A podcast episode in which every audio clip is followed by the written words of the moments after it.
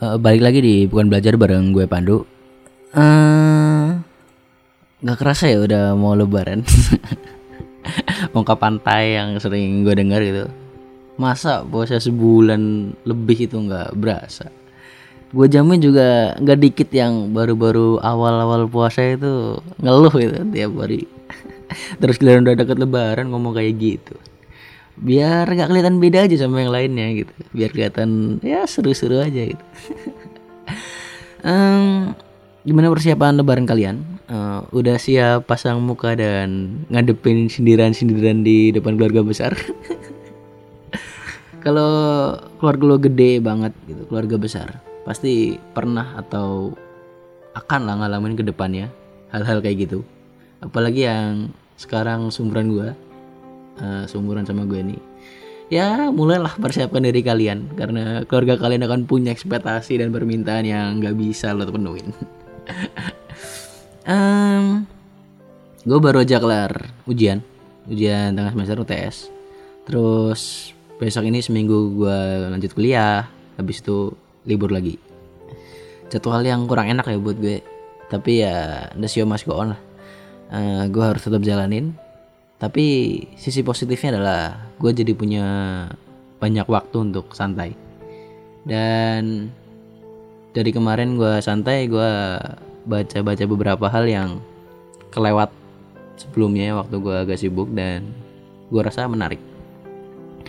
Uh, mungkin kali ini gue akan bahas satu aja yang menurut gue sangat-sangat menarik. Uh, eh, gue akan mengawali dengan pernyataan ketua atau koordinator. Gue lupa pastinya. Ketua atau koordinator BEM SI Badan Eksekutif Mahasiswa Seluruh Indonesia kalau nggak salah. Um, gue belum baca kelanjutannya karena gue nggak tahu ini akan berjalan sampai sejauh mana. Buat yang nggak tahu uh, lo bisa cari aja di Google searching aja tentang ketua atau koordinator BEM ini BMS ini BEM seluruh Indonesia yang menyatakan bahwa Orde Baru mendapatkan kebebasan. Uh, yang pertama ada di pikiran gue adalah ini orang siapa yang milih Karena gue yang mahasiswa udah hampir 2 tahun ini nggak merasa pernah terlibat pemilihan ya. Badan Eksekutif Mahasiswa seluruh Indonesia. Atau mungkin ya pemilihannya aja yang gue nggak tahu karena gue nggak terbuka sama dunia luar. atau juga pemilihannya pas gue masih SMA dan masa jabatan itu nanti sampai gue udah mau lulus. Kan gue nggak tahu gitu. Gue masih anak baru lah. Masih anak bawa kencur gue gue nggak menertawakan orangnya. Hmm, tapi gue nggak ada bayangan gimana cara kerja bem seluruh Indonesia ini. Job desknya apa tugasnya apa sehariannya ngapain. Apalagi pernyataannya yang eh, diungkapkan di depan umum ya. Gue nggak ingat pasti tapi intinya beliau ini si ketua ini mengatakan kalau di orde lama masyarakat tuh punya kebebasan tapi nggak sejahtera. Habis itu di orde baru masyarakat tuh sejahtera dan punya kebebasan. Lalu yang terakhir di era saat ini masyarakat tuh nggak punya keduanya. Yang artinya masyarakat tidak bebas dan masyarakat tidak sejahtera Um, ini jadi bukti nyata kenapa gue sekarang tidak menyukai dunia kuliah. Karena isi di dalamnya itu udah nggak sesehat itu menurut gue. Udah nggak seasik itu. Uh, alasan gue juga untuk punya Twitter tapi nggak pernah main Twitter. Karena isinya juga udah nggak sehat. Setidaknya ini menurut pendapat gue pribadi bahwa uh, dunia perkuliahan tidak menyenangkan yang ada di bayangan gue berdasarkan cita-cita dari kakak kelas atau ya dari saudara-saudara yang udah lulus atau pernah mencicipi bangku kuliah. Mungkin gue akan bicara secara frontal aja biar lebih jelas dan nggak ada yang ketahan-tahan di diri gue. Hmm, jadi dari situ gue mau minta maaf dulu kalau terkesannya frontal. Dari pernyataan ini, hmm, mungkin yang paling utama dan paling sopan yang gue bisa katakan adalah silahkan belajar lagi. Gak cuma buat beliau ini tapi untuk semua aja yang dengerin terutama yang masih ya pelajar mahasiswa SMA sekali lagi bukannya gue mau so tau gue juga masih belajar. Tetapi sejauh yang gue pelajari pernyataan seperti itu mungkin termasuk dalam 10 pernyataan terbodoh yang pernah gue dengar sejauh ini. Iya, pernyataan paling bodoh ya, 10 besar pernyataan paling bodoh yang pernah gue dengar. Uh, bodoh karena satu, uh, eh, gue mulai dari orde lama ya. Gue juga belum lahir waktu itu. gue nggak tahu pastinya akan zaman itu seperti apa uh, dan pastinya beliau ini yang mengeluarkan pernyataan juga belum lahir lah ya. Tapi gambar yang dari kepala gue yang paling simpel mengenai orde lama ketika disuruh bayang tentang orde lama uh, gue akan membayangkan sebuah masa di mana Indonesia itu baru-baru aja merdeka baru lahir baru, baru berdiri lah sebagai negara. Kalau dibilang masyarakat punya kebebasan gue nggak bisa bilang iya tapi yang ada di bayangan gue tentang suasana Orde Lama berdasarkan cerita dan pemikiran gue adalah suasana pada zaman itu seharusnya terasa sedikit bebas. Karena pembandingnya tentu masa lalu sebelumnya itu masa penjajahan. Walaupun ya setelah mereka itu masih ada agresi dan sebagainya ya masih ada perjuangan KMB dan sebagainya. Tapi kalau kita lihat story eh, historinya pembandingnya adalah masa penjajahan di mana pada saat itu tarafnya ya taraf segitu udah termasuk bebas gitu dibandingkan sebelumnya. Terus lanjut ke orde baru. Hmm, kebebasan ya. Uh, ya kayak tadi gue cuma bisa bilang belajar lagi. Baca-baca aja yang banyak. Banyak ngobrol cari referensi yang uh, kredibilitasnya cukup lah Hmm, gampangnya aja kalau dibilang masa bebas, Orde Baru itu sebagai masa yang punya di mana masyarakat yang punya kebebasan. Uh, sejarah yang benar mengenai era itu aja sampai sekarang masih jadi tanda tanya gitu tentang cerita atau sejarah mana yang benar. Beberapa isu pada zaman itu aja ada yang dibantah sama pemerintah pemerintah kita sendiri sampai sekarang tapi anehnya diiakan oleh pihak lainnya. Ya gue nggak perlu sebutin karena bagi lagi gue nggak tahu mana yang bener dan nggak mau nyebarin hoax. Tapi kalian bisa cari aja pernyataan-pernyataan dari pihak-pihak lain dan yang yang kontra dengan pernyataan dari pemerintah kita. Ya kalian menimbang sendirilah kira-kira mana yang lebih masuk akal.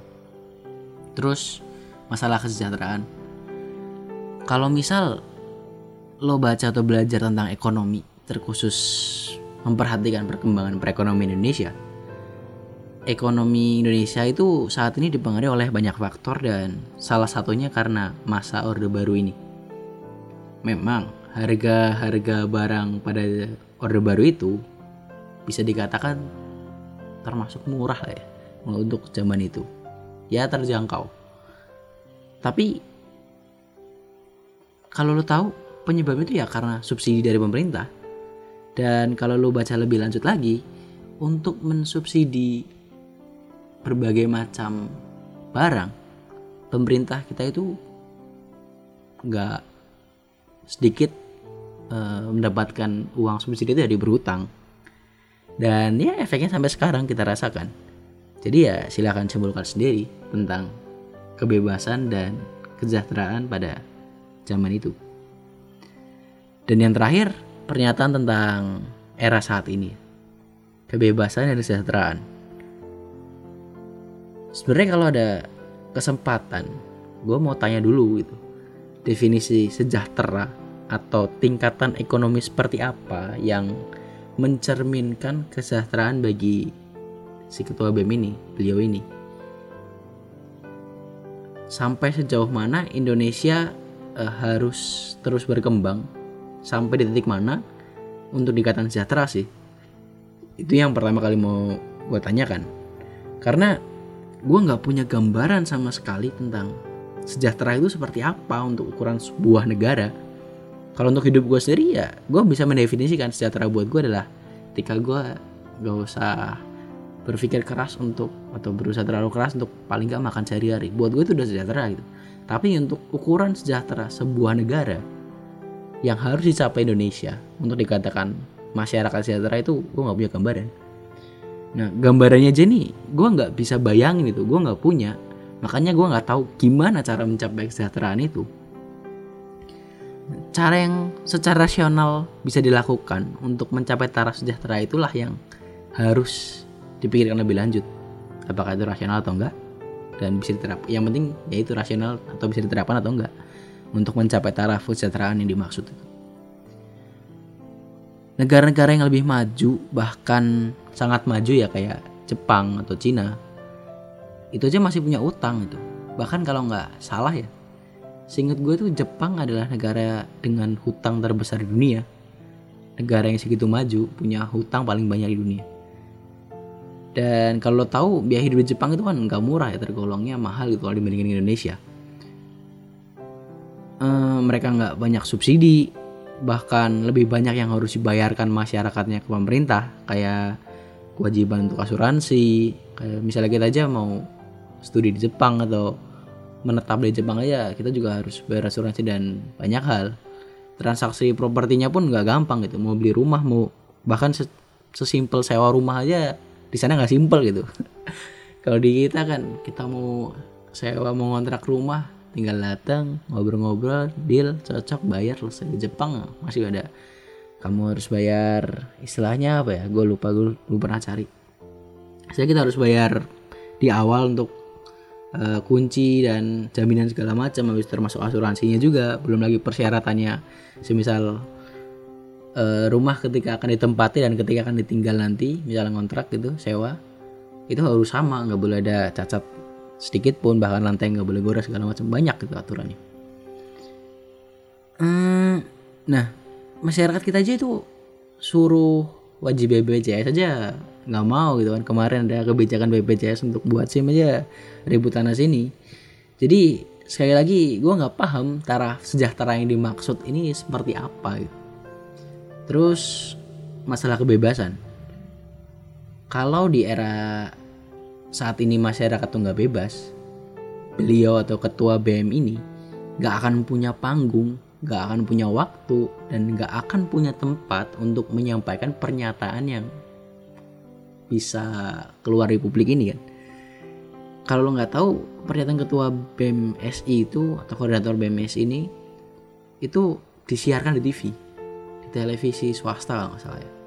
Gue cuma nonton rekaman ulangnya karena nggak sempat waktu itu kalau misalnya dia ngomong hal yang sama di masa orde baru gue nggak tahu tuh apakah malamnya beliau ini bisa sampai rumah dengan selamat atau enggak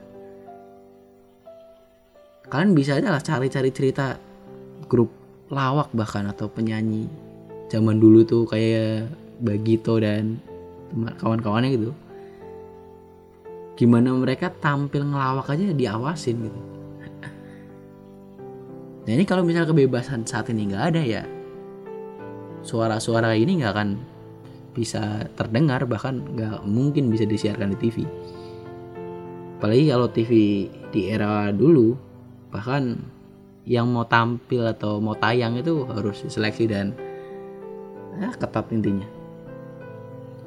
dan yang menambah indikator kebebasan hmm, beliau ini sempat klarifikasi beberapa waktu setelah tayangannya ini ya tentang pernyataan di TV ini di Twitter pribadinya.